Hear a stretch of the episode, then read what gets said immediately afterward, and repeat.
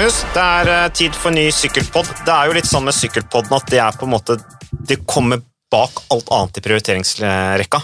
Så, så fort det dukker opp noe, så går det ut over innspilling av sykkelpodden. Dette her er så til de grader venstrehåndsarbeid. Men da må vi benytte anledninga nå, da. Ja, og det var jo det du sa. Du skulle egentlig vært på pressekonferanse med, med godeste Bent Høie for å snakke om eh, da selvfølgelig korona, eh, som jo da ble utsatt til i kveld, for det er jo veldig vanskelig å få oversikt over den situasjonen. Eh, så da ringte du til meg og sa du da spiller vi en sykkelball, for nå har jeg liksom litt tid til overs før sendinga til Catalonia rundt begynner. Det er jo andre etappe som eh, går i dag. Overraskende, vi kan ta det først. Andreas Krohn han viste jo så til de grader klasse med måten han vant på i går. Én styrke, altså måten han sitter med over bakkene, går i brudd med Luis Leon Sanchez og disse gutta her. Eh, var kjempesolid. Eh, og så i tillegg litt kald på siste kilometeren der, sitter og slipper gutta inn. Og så kliner han til i spurten og vinner helt overlegent. Imponerende kjøring av den 22 år gamle dansken. Danskene generelt er jo on fire, da. Da er det Jonas Wingegård som vant i UAE, var det det? Ja. Wirt Schmidt vant i Tireno, Mm. Krohn vant i Catalonia, og Magnus Kort i Paris-Nice. De har vunnet overalt. Og Norge har vel den nette sum av null seire så langt i sesongen, stemmer ikke? Ja, Så danskene spiser nordmenn til frokost. Absolutt. absolutt. Vi bøyer oss i hatten. Det er vi. Bøyer oss i alt vi har. Så, men de må begynne å steppe opp litt snart, disse her, um, våre spydspisser. Kristoffer Boasen Hagen, og det er sjelden vi går. Kommer til Flandern og Robé-veka uten en eneste norsk sykkelseier. Ja, Hvem er egentlig spydspissen i norsk sykkelsport nå? Det er jo litt sånn interessant spørsmål. fordi at Ja, Det er jo åpenbart at våre to eldste altså, ja, Med all respekt Kristoff vant første etappe i Tour de France i fjor, hadde den gule trøya. Andre nordmann i historien som bærer Ja, ja, han, han seg. Eh, kjørte kjempebra i Flandern rundt, ble nummer tre, så det er jo helt fantastisk resultat. Eh, men eh, han har jo ikke levert så langt denne sesongen. Og så Litt no- småsjuk nå. ja, og så er det noe med på en måte at Alexander er veldig sånn, han har sin oppskrift, og når det avviker mye fra den oppskriften, så fungerer det ikke helt. Og det har jeg hatt et inntrykk av at det har vært litt sånn tidligere oppskrift, vinneroppskrift, for han har jo vært å banke på med sykkelløp i Midtøsten ikke sant, og sidevind i Qatar og alt det der. Eh, Men det er liksom ikke på programmet lenger, og da er det noe med å få det til å stemme rent sånn oppkjøringsmessig, som de tydeligvis sliter litt med. Ja, og så tror jeg det er viktig både for han og Boasen Hagen å ha litt å slå i bordet med når det kommer til største ritter. Edvald har ikke så masse å slå i bordet med nå kontra en turskis eller andre ryttere på direkte energi, når du ikke har egne resultat. Kristoffer trenger jo Han vil jo selvfølgelig ha en beskytterrolle, selvfølgelig. men klart med Trentin og Gaviria, det er jo et enormt sterkt lag. Så han har nok lyst på et resultat i type E3 Harald Beke på Eller Saxo Bank Classic, som det heter, på førstkommende fredag. Gent Wevelgem på søndag. Mm. Viktige løp der. Håper han er frisk Mm. etter forkjølelsen. Var jo ikke helt på top level i Milano San Remo. Top level. Top level. Eh, så- Nei, det går nei. nedover. Vi tok resultatrekka hans, Ja. uh, og det går jo ikke riktig vei sånn uh, sett der. En som overrasket i Milan San Remo, Magnus, det var jo Peter Sagan. Mannen som så til de grader var avskrevet på forhånd pga. covid-19. Vi snakket jo om han faktisk. Og så klinte han jammen meg til og tok nok en fjerdeplass. Da er det som Lance sier, da, at form is temporary, class is permanent. Du kan sikre resultat på klasse. Han viste jo i den som så førsteetappen av Catalonia på mandag, eh, så jo at formen til Sagan Altså når Sagan og Froome detter av Det er jo en fin duo, da, men eh, per dags dato så er de to av de svakere klatrerne i feltet, faktisk. Så han mangler jo tydeligvis en god del fortsatt. da. Men han klarte altså å presse ut et fjer en fjerdeplass. Det er sterkt, altså. Den femte fjerdeplassen hans, faktisk. Han har to fjerdeplasser, to andreplasser, ni topp ti av elleve starter. han er nye José Joaquin Rojas. Kun sånne Ja. fine plasseringer. Ja, Bortsett fra at han har vunnet vesentlig mer enn Rojas. Da. Absolutt. Det er jo litt sånn fornærmende, syns jeg, da, sammenligne han med, med han derre Oi, nå er Franco-supporteren. jeg spent. Franco-supporter. ja, han var visst det. Men uh, vi trenger ikke å snakke om det. Uh, det vi skal snakke om, uh, jo, var bare et lite poeng du sa om Petter Sagan her. Han blir med fire i, i Milan San Remo på kjører på klasse, rutine. eh, finner fram, har en god dag åpenbart, etter å ha vært eh, dårlig, slept seg gjennom Tirreno Adriatico, hvor han helt sikkert holdt litt igjen for å bruke det som trening. Men så, på første etappe Catalonia rundt, så så falt han av. Der var han storfavoritt etter prestasjonen i Milan San Remo. Da er det åpenbart at dårlig grunnlag gjør at han Altså. bruker lengre tid på å restituere seg. Det er i hvert fall min tolkning av det. Ja, og så er det vel også, som en har sagt mange ganger, at San Remo er jo en det er jo en grunn til at veldig mange kan vinne det, for det er jo den enkleste av monumenter, rent sånn fysisk. Mm. Eh, hvis du får en billig reise første 250 km, så skal det ikke så masse til hvis du har den klasse som Sagen har, til å henge seg med. Så um, det kan hende at det var litt sånn uh, lureresultat. Vi får se utover våren. Ja, det var jo relativt mange som kom inn der i avslutningen. Du, du så alle sju timene. Hva var på en måte høydepunktet? Jeg må, eh, jeg må si at det sto på i bakgrunnen, sånn som, litt sånn på sånn som Sportssøndag på NRK. Står på i bakgrunnen, uten at jeg egentlig ser på så masse. Høydepunktet var jo Det var egentlig ikke noe høydepunkt. Jeg syns det var et skikkelig drittløp. Ja, du syns det? Ja, For å være helt ærlig og kalle en spade på en spade. Jeg synes det var skuffende at du ikke fikk den der eh, van Art eller Philippe van de Poel-kampen som alle så fram til. Van de Poel posisjonerte seg dårlig, syns jeg. Var bak på Poggio da han ikke skulle være. Ja. Eh, Du fikk på et lite støt mot toppen, men ikke noe sånn særlig. Inni hos en taktikk som Sikkert bra kjørt, men du, du dreper jo rittet ditt med å Litt som Movistar. ja, sant? Du, du har høyt tempo, ingen tør å rykke. Sitter igjen med ingenting. Veldig Movistar, egentlig. Godt poeng. og så fikk du egentlig ikke så eh, farlige angreper på Cipressa heller, eller mellom. Eller, uh, så jeg syns det var litt sånn skuffende. Eh, Det er litt sånn som vår gode kollega Mario Skjelbæk sa her på mandag morgen, at det er jo et monument på billigsalg. Sa Mario Skjelbæk Ja, det? og han er jo glad i å sette ting på spissen, da. Ja. Eh, Men det er jo et, en viss sannhet i at så lenge du bare timer det riktig i bunnebakken, det, kun, det, det er jo ikke nødvendigvis den sterkeste som vinner. sant? Sykkel er jo ofte ikke den sterkeste som vinner. Så kan du plutselig få en seier et stort ritt. Unner jo Jasper Stauben, som eh, etter sigende ifølge feltet, og si, folk i feltet er en meget sympatisk fin fyr.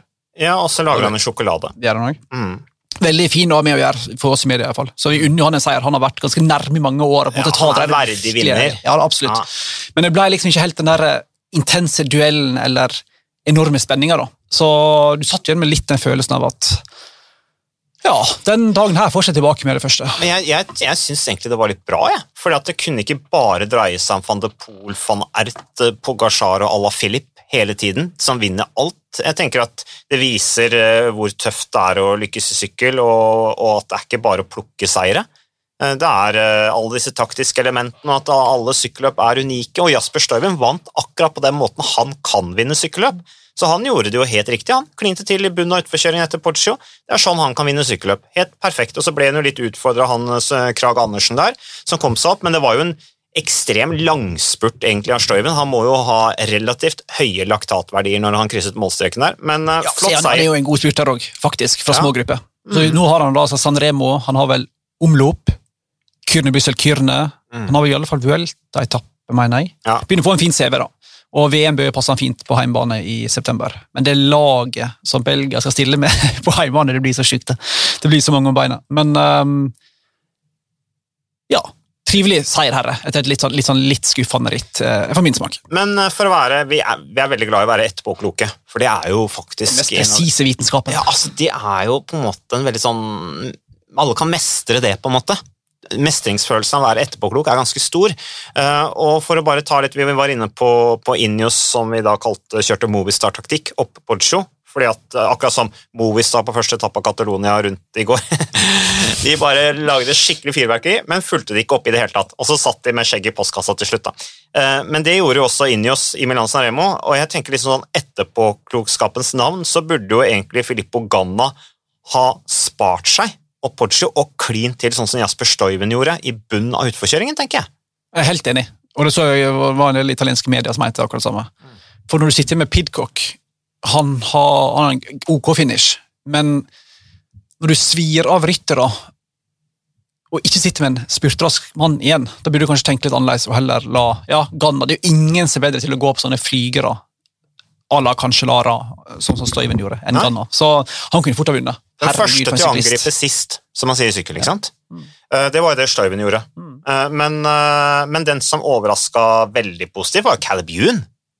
Han sykla jo opp var som en konge. Ja, han så så lett ut òg. Ja. Det så så uanstrengt ut. Jeg unner jo han òg en seier der snart. da. Han er jo, Vi sier det veldig ofte, merker jeg om syklister, men han er veldig sånn fin, sympatisk Jonai-type. Mm. Men det var litt skuffende selvfølgelig at verken Boasson Hagen eller Kristoff eller noen andre norske var med i den og prega rittet i det hele tatt. på noen måte. Nei. Sånn Men er det. sånn er det. Sånn er det. Det er knalltøft. Magnus, eh, det har skjedd veldig mye denne uka. I går så var det en sak eh, på, på vår egen sportskanal på Kveldsnyhetene om eh, Coop. Sportskanal, altså TV 2 du snakker om? Eh, Ja, eller altså vår egen sportssending på hovedkanalen var moderskipet til TV 2. Moder- Eh, som jo går igjen og igjen og igjen på nyhetskanalen og hva det måtte være. Eh, veldig fin sak, forresten, hvor eh, kvinnesykling blir løftet opp, eh, og at det er dette samarbeidet som eh, vi heier veldig på. At Coop går inn og bidrar som Eller slår sammen på en måte de to lagene. Nå blir det Coop Hightech Products. Eh, og at jentene skal få samme økonomiske rammevilkår som gutta. Men hva er egentlig de økonomiske rammevilkårene for gutta i Team Coop? Har du noe annet som det? eller? Eh, nei, det var jo litt av det vi prøvde å finne ut av løpet av helga. Um, hva skal en si og ikke si her, da? Uh, der får vi en form for stipend Mm. fra arbeidsgiver som blir betalt, blir betalt ut via forbundet, en annen måte, tror jeg. Så du kan liksom da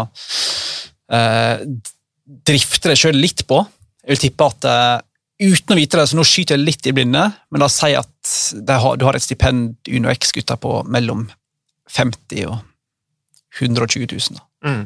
Nå, nå kan godt hende jeg får mange sure meldinger tilbake, men det er det inntrykket jeg har fått etter å ha snakka med litt folk. Ja, Send gjerne meldinger hvis dere vet hva eh, Coop-rytterne har i stipend, kan vi vel si. Så klart, når du sier likelønn, så er jo det veldig bra.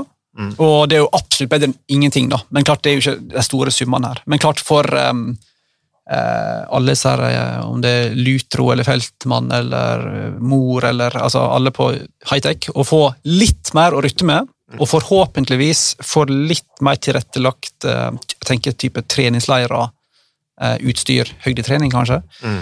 der norske damene ikke nødvendigvis har vært fremst i køa eh, opp gjennom åra, vil jo kun føre gode ting med seg. Og så får du en litt, litt sånn, kanskje en litt sånn der eh, småbetent eh, Vi så litt sånn mellom Uno X og Coop. Vi så jo oh, ja? Karl Lima følte seg litt feilsitert i den lokale Stavanger Aftenblad på at liksom Om en, en må ha, ha den i, kjeft, i kjeften, så man har det i beina òg. Men eh, han, han følte at det var satt litt på spissen. Men eh, For UnoX slår på stortromma neste år. Lars Bach skal lede laget. Det er en del eh, sterke navn som er på blokka der, vet vi. Jeg tror de sikter ganske høyt når de skal Absolutt. plukke ryttere. Altså, Jeg tror de faktisk. satser høyt i alt de driver med, egentlig. Ja, og jeg tror det er faktisk ganske lurt, fordi at det er på en måte Du kan få et Altså, du kan få på en måte verdens billigste, eller verdens beste damer relativt billig, da. Eh, Som jo kan være med å kjempe i toppen i de største sykkelløpene på kalenderen. Så jeg tenker at det kan være en god investering. Jeg, jeg gjentar det jeg har sagt hele tiden. Jeg mener jo at alle World Tour-lag egentlig burde hatt et damelag, og at Tour de France burde åpnes opp for damer. Ikke hele, men deler av Tour de France, og at de bør gå i mål før herrene, og at man trenger ikke å sende fra kilometer null for herrene, man kan sende halve. Og det sier du, du, du, er veldig problemorientert i forhold til det, Magnus, i forhold til logistikk. Generelt i livet er jeg ofte Ja, problemorientert. Men det er viktig, det. Det er bra at du tenker på alt. Du tenker logistikk, hotellrom altså Det tror jeg de fikser. Men tenk deg da for et herrelag som kanskje sliter med resultatene, på, mm, som sliter med resultatene, og så har de et damelag som vinner. ikke sant? Da, får det plutselig, da blir det veldig viktig. Men det, er, den, det vi ser nå med Coop, det er jo at det er jo en utvikling nå som er veldig positiv for damenes del, tenker jeg sånn generelt. Selv om det er mange utfordringer ennå, så er det en vind i seilene til internasjonal damesykling som, som vi ikke har sett på lang tid. Og dette her at sponsorene, sånn som Coop, går inn her, og også UnoX, går inn sier selvfølgelig skal vi også ha et damelag. Det er jo, det er jo veien å gå. Ja, det er helt overlegent at, at en vil involvere seg. Og det, det du er inne på der med, som Uno X sin fordel, er jo at når jentene, til og med den, den nest beste og den beste kvinnen i verden, eh, hvis de sier at det er topp top 10-15 har veldig gode vilkår og tjener gode penger, men resten tjener nesten ingenting. Det er så dårlige vilkår, det er så lite forsikringer altså det, det er liksom Det er en god anledning for UnoX til å plukke opp veldig gode ryttere, så lenge de kan tilby bare helt sånn alminnelig lønn og helseforsikringer og en pakke, da. Hvis du, altså arbeidsgiver, hvis du som arbeidsgiver kan tilby litt grunnleggende ting som det, kan du snappe opp noen av verdens beste syklister. Det sier jo litt om hvor dårlig det står stelt i utlandet. Mm. Og det er jo som du sier, jeg tror alle på en måte i media og, og i sport på en måte er enige om at en bør ha hvis du har et ritt for herrene, så bør det også være et ritt for damene. som som du ser i tennis. Og hvis du har et lag for gutta, så må du ha et lag for damene. Ja. Men det sier bare litt om hvor store krefter som er imot dette i internasjonal sykkelsport. Mm. Når en knapt beveger seg av flekken. Det jo riktig vei, det er det.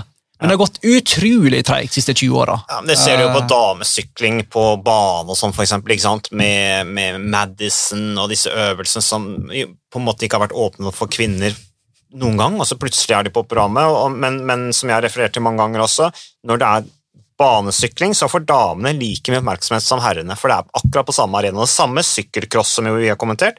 Damene får akkurat like mye oppmerksomhet som herrene, og tiltrekker seg like mange seere, viser seg, i de viktige arenaene for sykkelklass, da, som jo er en snever sport, men allikevel, damene har like høye seertall som, som gutta. Eh, Så, så det, det er veien å gå. Vi har jo også sett det på nå på, på Flandern rundt i fjor, så hadde damene rekordhøye seertall eh, på, på damerittet i Flandern rundt. Eh, Og det har noe med, Hvis de bare ser på når de sender rittet, så kan de gjøre veldig mye i forhold til å tiltrekke seg mange seere, så blir plutselig damesykling en kjempeverdi for sponsorene. Det er jo Mm. det som skal til. Det er det kommersielle som styrer. Det går framover, Ja, er konklusjonen. selv om ja, og det kommersielle kan jo styres, justeres i forhold til å øke verdien på det kommersielle, tenker jeg. I forhold til blant annet dette her med når sender vi rittene på TV, for Mm. Sånne enkle justeringer kan det være. Men eh, Magnus, eh, jo, bare til å avslutte den debatten der. eh, nå var det jo ikke så mange ukene siden Bike Exchange kom med samme nyhet, at også damelaget deres skulle ha samme minimumslønn som, som gutta. Uh, Trekk Segafredo har vel hatt det i hvert fall et års tid. Eh, Så det, det, det, det, er jo noe som er i utvikling. Movistar, som helt sikkert har veldig gode vilkår for sine dameryttere, med Katrine Aalerud som sykler der blant annet, sammen med van Fluten. Så det blir spennende å se videre, veien videre. Hva er neste på programmet da, Magnus, som vi skal snakke om? Det er jo mye som skjer. Du nevnte at det er en stor sykkeluke. Uno X skal sykle disse her eh, klassikerne. Ja. Eh, og jeg gikk jo ut på Twitter Jeg, jeg bommer jo stadig. Så I går så kommenterte jeg uh, uh, Og det må jeg bare innrømme at det var, det var litt flaut der og da. Altså, jeg kommenterte jo Catrona rundt, og så, og så trodde jeg, så, Jeg trodde faktisk det var Guillaume Martin som var i brudd. Problemet var jo det at han meg. starter jo ikke. ja. Han starta ikke! Det var, det var altså han Remi Rocas som, som var i brudd. Og han var prikk lik Guillaume Martin. Og jeg sitter der ikke sant, og er med, og sitter der med papirene mine og notatene mine, og så, og så bare tenker jeg at det der er jo Guillaume her. Men det var det jo ikke. Men trøsten er vel at var det mange som fikk med seg at det var feil? Ja, det var jo Å noe. ja, du fikk nok Ja da, og det er Ah, litt Du unna med det. Men de er var ganske sånn... snille med meg. Og så var det jo, og så bomma jeg igjen. Nei. Fordi at han derre godeste Jonathan Caicedo, vet du, Ja. han ligner jo så innmari på han der colombianske mesteren, han Higita. Nei. Jo, jeg syns det i går, når jeg satt og kommenterte. Ok. Og da dreit jeg meg ut igjen. Uff. Og så hva er det Higita driver med? Men så var det jo Caicedo. Ja, Higita starter jo ikke. Det må være lov. Ja, men jeg hadde en dårlig dag går.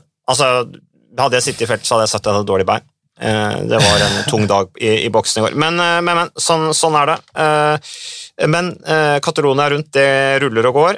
Eh, uten nordmenn, men med seks dansker. Vi hadde dansk etappeseier i går, som vi snakka om. Det blir spennende å se hvordan uh, Krohn forsvarer den trøya på dagens tempo og inn i fjellene. I morgen skal det sykle opp Valter 2000, over 2000 meters høyde, litt som ligger litt i navnet.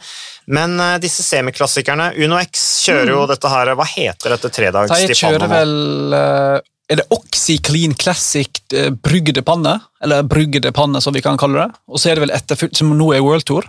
Mm. Så Uno X blir jo altså da det første norske lag som sykler et uh, ritt i sykkelsportens verdenscup, for å kalle det.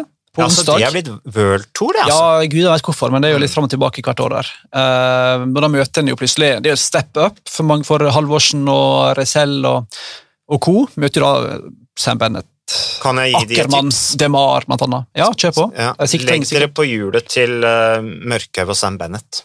det er sikkert ingen som har tenkt på før. Nei, det er på en måte det, det eneste dere trenger å gjøre. Ja, okay, bare ligge der. Eh. Og holde hodet kaldt, at du ikke støter støter bort spurtkreftene for tidlig, sånn som en kanskje gjorde litt i var det Bredene Kokseide, der en gikk på kanskje litt mange angrep. Sterkt felt der, altså, Magnus. Jeg bare sitter og ser det på startlista sånn. her nå. Skal jeg bare nevne noen navn? Eh, vi nevnte jo Bennett og Mørkhaug, som også for sikkerhets skyld har med seg da Senechal og Hodge. Um, I The Cunning Quickstep så har du altså Colbrelli, du har Arnaud Demar, du har denne unge kometen David Dekker, uh, Olav Koi uh, i Jumbo Visma, altså de, begge de to sykler i Jumbo Visma.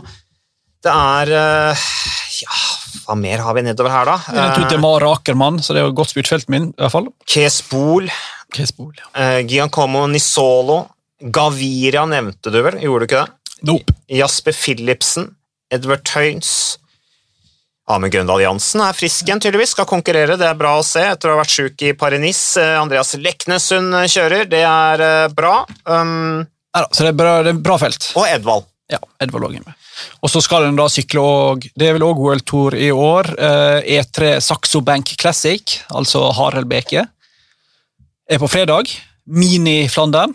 Og så er det for jeg, proffene våre, for Kristoffer Kose og Edvald, så er det vel uh, Gent Wefelgem på søndag. Mm. Der Kristoff skal prøve å forsvare 2019 og annet. Gullet. 2019 og annet. Ja. Uh, skal sykle både med Trentin og Gaviria der. Så vi får håpe han viser litt form. Så fører Flandern da neste helg. Og så er jo da det store spørsmålet om det blir noe Paris-Roubais. For det, sto, det meste tyder jo på at uh, Belgia durer på med arrangement. Det virker ikke å være noe stort problem eller uh, offentlig fordømmelse. Det Men det er betydelig mer betent i Frankrike, Nord-Frankrike spesielt, og da Robert da. Ja. Eh, Det var jo Mads Pedersen som vant forrige Gent-VLG. Ja, i høst, ja. Stemmer det. Men, ja, eh, så, men det er riktig det at Kristoff vant i 2019. Men når det gjelder Det har vært en nyhet denne uka her, dette her med de regionale myndighetene som i, i Nord-Frankrike som sier at uh, her er det lockdown, her er det portforbud. Så å ha sykkelløp her, det er helt hinsides.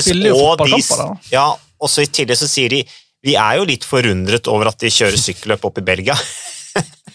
Nei, så det, det, er jo, det lover jo overhodet ikke godt, da. Nei. Uh, men og jeg skjønner jo Jeg er jo tilhenger av at en må prøve å få det til. Men jeg skjønner jo òg når en da har angivelig helst sprengt kapasitet på sykehusene, hva gjør du da når Hvor fraktes ryttere som Trine Brosen? Det er jo den praktiske, helt reelle problemstillinga. Hvor skal de være? Ja, Kan du garantere for sikkerheten der, da? Hvem betaler for sikkerhet? Altså, det er ganske mange kompliserte ting her, altså. Eh, men jeg tenker når du får til Paris-Nice litt lenger sør, riktignok, men du har hatt masse sykkelritt i Frankrike i år. Jeg får til det rett over grensa i Belgia.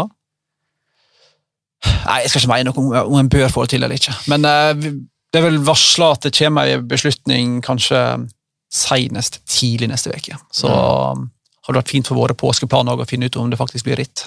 ja. For vi skal jo i teorien ned, eh, hvis vi klarer å komme oss inn i disse landene, som har veldig strenge regler om til dagen. Men um, ja. Synd da om andre året på rad ryker i Paris-Roubais, og ikke minst damenes versjon, som jo skulle vært avholdt for første gang i fjor, som jo alle gleder seg til. Eh, Blant annet Lucinda Brandt i Trekksegafredo. Så eh, Fun fact. Ja, fun fact. eh, som jo er en av favorittene der. Men, eh, men det er noe med å Vi hadde liksom Jeg hadde litt sånn innstilt meg i mitt hode på at det skulle gå faktisk i år, men eh, det ser jo stygt ut. Helt klart. Dessverre. Men da får vi håpe at de kjører det til høsten i stedet, da. Og så kjører de Flandern nå, og så kan de heller flytte Paris Rubé til, til høsten, eventuelt. Men ja, hvem vet? Hvem vet? Blir det, blir det avlyst, så blir det i alle fall regn den søndagen. Ja. Det kan du være sikker på. Ja, jeg skjønner at du vil ha regn, men med tanke på Ja, hvis, hvis Men hvis eh, sykehuskapasiteten er sprengt, så er ja, det med kanskje ikke regn. sykehuskapasiteten så er det en fordel at det ikke regner, da. Absolutt. hvis det skal kjøres. Absolutt. Så fordi at det er jo garantert noen knær og sånn som knuser. Vi husker jo godeste eh, han eh, løven av Flandern, eh, Johannes Museu. Sev. Han knuste jo knæ, et, et kne over Arnbergskogen et år. Oh. Hvor de dundrer inn i høy fart over 60 km i timen. Opptrekk inn. Glatt brostein. Det er jo alltid glatt der, for det er fuktig inne i skogen. Og så smack bang. Vant ikke han året etterpå, og så tråkka han med én fot over for å markere liksom med kneet ut. Jeg husker det. Johan er det. Var, det var mannen sin. Det var mannen sin. Han så, har en så sønn, jeg så Ja. sønnen hans i brudd her i sykkelritt nylig. Jeg husker ikke hva det var, men Nei, det var vel Stefan? Her eh, Nei, det var de der uh, Grand Prix Monser. Monserrat var det kanskje? Ja. Som han var i brudd, sønnen til Johan Museo, og Johan Museo sto langs uh, løypa der og heia. Uno X kjørte også det rittet. Så uh, da var godeste museet, vet du. Stefano Museo. Mm, Stefano, oppkalt etter Stefano Sanini, tipper jeg. Tipper du i løs lufta nå? Ja, nå tipper jeg. At han er oppkalt etter Stefano Sanini? Ja, ah, ja. ja For han sykla jo i Quickstep, Ja da. og var jo liksom verdens mest synlige sykkelløper. Nei, sykkelrytter. Han- Så han han lagde mye ståhei rundt seg. Altså, han konkurrerte nesten med Mario Cipollini om å ta mest plass i feltet. Så øh, han også han der godeste Bramati. Da hadde du et orkester på gang altså når, de to gutta, når de tre gutta der begynte å snakke sammen i feltet. Eller klage på franskmennene, som de gjorde hele tiden. Men du mener altså at han er oppkalt etter Stefano Sanini? Det Nei, det er bare rein gjetning. Ja, okay. Det kan jo være en annen Stefano Det kan jo være Stefano Garcelli, for hva jeg vet. Han har jo kjørt i Mapei Garcelli også. Men bare noe sier meg at det er Sanini, for Sanini var litt mer sånn spurter-klassikerrytter. Crazy dude. Ja, jeg lurer på om ikke han er sportsdirektør òg. Det er han. Ja, så, så det. Nei, men bra, Magnus. Um, er det noe du har, har på hjertet? Åssen går det Ja, vi får bare får nå oppfordre folk til å se på uh, Selv om Volta Catalonia ikke er det som klinger høyest i norske bevisstheten om dagen. Det er jo ikke verdens største ritt, så er det et stort ritt. mm. Etter det eldste i verden. Det er det fjerde eldste i verden, for å være Mm. eksakt. Nydelig eh, startliste. Mm. Gøye etapper, masse fjell. I dag er det tempo. I dag altså tirsdag. Onsdag er det fjell, torsdag er det fjell, fredag er det kupert, eh, lørdag er det sånn halvkupert, og søndag er det kupert.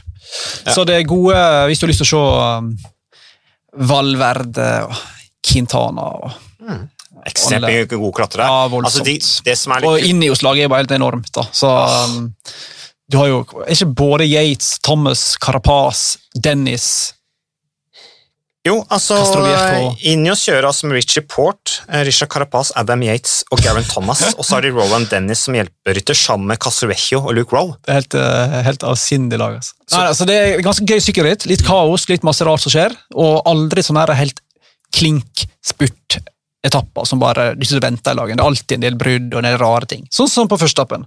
Da Mm. Movistar bare surra og surra, og så gikk det et brudd. Det, og- Ja. Det er jo tiende gang de gikk i mål der, eh, og det er altså da fjerde gang at det er et brudd som går inn den dagen der.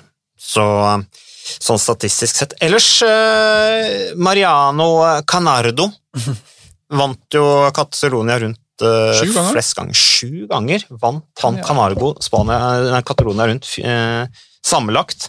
I tillegg var han fire ganger på pallen. Eh, han eh, er født i 1906 i Olite i Navarra, eh, og døde i 1987 i Barcelona. Hadde kallenavnet eh, den The, Catalan of Olite. Jeg vet ikke hva det er på spansk, det kan kanskje du, Magnus. Men eh, han var i hvert fall foreldreløs som 14-åring og flyttet til søsteren sin, som bodde i Barcelona. Og Det var der han interesserte seg for sykling. Og Han var altså proff fra 1927 til 1942, blant annet i FC Barcelona. uh, I Sport, eh, France Sport Dunlop, det var uh, altså det eneste franske laget han sykla på, og Orbea. Så det er noen uh, Orbea har vært lenge i sporten, altså. Caniardo var jo kjent for den første profesjonelle spanske syklisten. Så han tjente gode penger på det. Første som faktisk gjorde det. Eh, Orbea har vært lenge med. ja. De begynte å produsere våpen, som veldig mange sykkelfabrikanter har gjort. Eh, 1800-tallet, tror jeg. Så um, det er lang historie der, altså. Caniardo sånn sju ganger. Så uh, spørs det om Valverde kan gå på en Han har vel tre sammenlagtseiere. Tre samarbeidsherrer. Han kan vel gå på en andreplass der hvis han skulle vinne i år. Men han virker jo til å være ei kokt potet.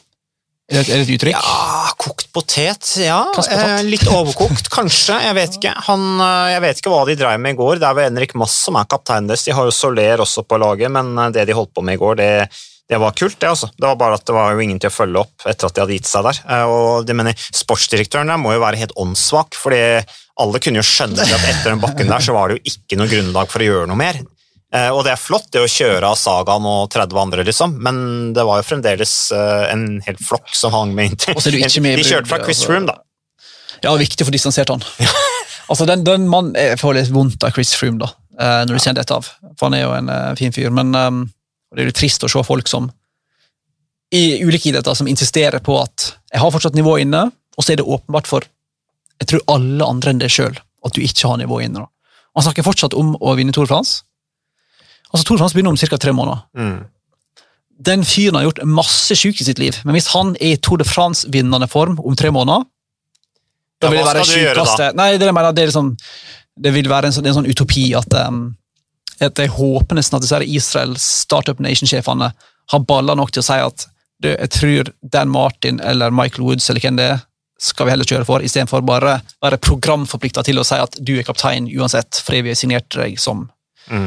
For Jeg kan ikke skjønne at det kan gå. Jeg kan ikke skjønne at det kan gå. det, Men, det, er ikke, det er ikke lenge igjen nå, altså. Jeg syns jo jeg så tendenser hos Kjell Karlstrøm for ganske lenge siden i noen intervjuer hvor han sa liksom ja, men det er ikke så viktig for oss at Chris Froome vinner Tour de France. Det er han noe med, og- Ja? Når du begynner å bafle om det der, da skjønner du at oi, her er det noen som begynner å si at dette går nok ikke. Men han tjener jo noe hinsides mye penger, visstnok, i uh, Israel Startup Nation. Så jeg tror nok Det blir i overkant av 50 mill. i året. Det? tipper noe sånt nå, ja. Så, øh, men jeg tror allerede nå at han har begynt å tenke på 2022. For å være helt ærlig. Jeg tror han trenger et fullt år med konkurranse før han kan begynne å snakke om at han skal kunne være konkurransedyktig i Tour de France. Men vi får se, da. De har jo for øvrig Michael Woods og Dan Martin med i Catalonia rundt, så han må nok kjøre hjelperytter der. Så Ellers du nevnte den første spanske proffen, eh, og ta litt uh, fakta fra Catalonia rundt. Det fjerde eldste etapperitt i historien. Um, Mi, Miguel Poblé Pop, Poble, Poble. Poblé. Poblé. Han, du er veldig kjent med, du er veldig glad i spansk sykkelhistorie. Ja, Magnus. han vant altså 33 etapper. Han er den som har vunnet flest etapper av Catalonia rundt. 33 etapper, ikke færre. Eh, Han var profesjonell, altså, han hadde over 200 seire som proff, var proff mellom 1944 og 1962, og var altså den første spanjol som bar den gule trøya i Tour de France. Så han var jo også en som på en måte gjennom Det var ikke bare det at han lykkes i Katarona rundt, men han herjet på andre arenaer også. Og han var også den første i 1956.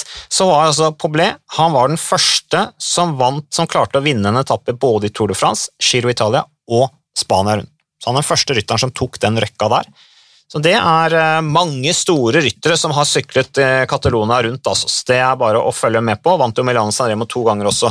Eh, Miguel Ble jo, ble jo kalt en La flecha amaria, som da betyr den gule pila. Ja. Mm. Første gultrøye der. Miguel Poblé var en stor karakter. Han og Purito Rodriguez er jo liksom det kat katalanske bidraget til spansk sykkelhistorie. Mm. Mark Soler vil sikkert være uenig i det, men eh, sorry, Mac. Det når ikke opp, altså. Men du, bare FC Barcelona. Mm. Eh, vi var litt inne på det. Med han eh, Mariano Canardo som har disse sju sammenlagtseierne i Catalonia rundt. FC Barcelona, det er jo fotballklubb Barcelona, det. Så de har altså hatt et sykkellag de da tidligere med profesjonelle syklister. Det må vi sjekke litt opp. Ja. For han som, han grunnla Catalonia, det var jo, det var, han, var han stifta Grupo Deportivo Barcelona. Som det var en slags felles et slags fellesidrettslag, for å bruke et norsk begrep. Det Eh, er nok litt sånn som ACBB for eksempel, i Paris, Ja. som er en stor idrettsorganisasjon. eh, som har ulike grupperinger. som også har sykkellag, og det er nok For det det mest, for det mest i tradisjonelt i hvert fall, over grensa i Portugal du ser det der. du Der har du jo Porto, du har Sporting og du har Benfica som har egne proffsykkellag. Lite i Spania, men det må vi eh, hjem og google litt, tror jeg. Men det er litt gøy å se på disse her gamle legendene um, som, som så til de grader har herjet tidligere. Det er lett å glemme de og bli Ja. historieløs, men vi må ikke glemme legendene. Hvem er den største legenda di, da? Nei, Hvem er liksom den mest sånn kjære gamle syklisten du har i når du tenker på ah, gamle dager? det er Greg LeMond. Er det Greg LeMond? Ja, definitivt. En Altså, amerikaner? Ja, det var nok han som inspirerte meg mest da jeg var ung til å begynne å sykle. Jeg husker jeg hang opp plakater ham på rommet, og jeg husker han hadde en Z-drakta, VM-drakta med Z-logo på. Z som jo var barneklær, faktisk. Atle Kolstad syklet jo på det laget, han også. Eh, Og jeg skrev særevne om eh, Greg LeMond da jeg gikk i 7. klasse på ungdomsskolen. Har du en oppgave fortsatt? Ja, På et loft har på. Vikersund? Den har jeg Den har jeg. Ja, da, jeg var og jeg kikka på den, faktisk. Kanskje du tar med, kanskje du tar med den og leser høyt fra i neste pod? Jo, jeg skal gjøre det. Ja, jeg skal gjøre det. det han, eh, og Da skrev jeg annet om rollen Atle Kaasa hadde som hjelperytter for, for Greg LeMond. Men han var en utrolig inspirasjonskilde, og jeg kjøpte alt som var av bøker ikke sant, og leste om Greg LeMond. Denne jaktulykka i, var vel i 1987, eller etter 1986-sesongen, hvor han ble skutt under en jaktulykka av broren sin. Og, og resten av karrieren holdt på å ryke. Eh, Etter jo tross alt etter å ha vunnet Tour de France det året der. I veldig tøff sånn eh, rivalisering med Bernhard Hinault som jo hadde lovet å kjøre hjelperytter for Greg LeMond i 1986 fordi LeMond hadde ofret seg for han i året før, og så holdt egentlig ikke Hinault avtalen. Det var vel noe sånn cirka det var. Så, og de syklet i arm i arm over målstreken på Alpe d'Huez i 1986. Egentlig så prøvde Bernhard Hinault å dra han av hjul, men uh, ja. Nei, det var, det var kult. Det, var, det er den legenden jeg husker best. Da. Så det. Har du noen, forresten? Bortsett fra Oi. Miguel Poblé. Miguel Poblé. Uh, Michael Bublé. Oi, for et elendig ordspill. Um, ja, det må jo være um, Iban Mayo og Aymar Subeldi. Altså, sånn liten, Ikke si at Iban Mayo er en gammel legende allerede. Altså, han Jo, jo. på, han, jeg sykler jo med han. Jeg ser, på deg, altså, jeg ser på deg som en helt og legende, altså, hvis det er en trøst. Ja, men jeg er jo ikke så gammel. Jeg er jo ikke, jeg er ikke Er ikke født i 77? Jo. Ja. jo. Jo.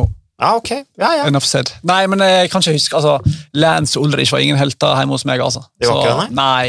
Det var vanskelig å like noen av dem, syns jeg. Mm. Så, Det var nok disse her uh, skjøre, klatresterke, Mm. anorektiske spanjolene som var mest i høyest kurs. Ja, Som nå er psykiatriske pasienter, og hva de nå har endt opp som.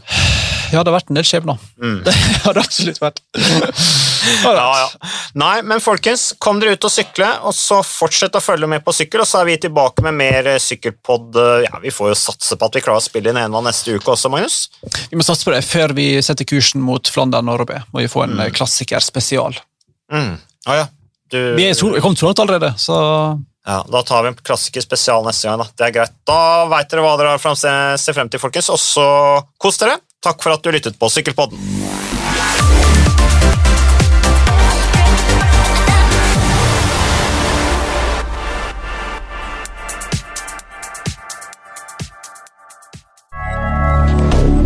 moderne media.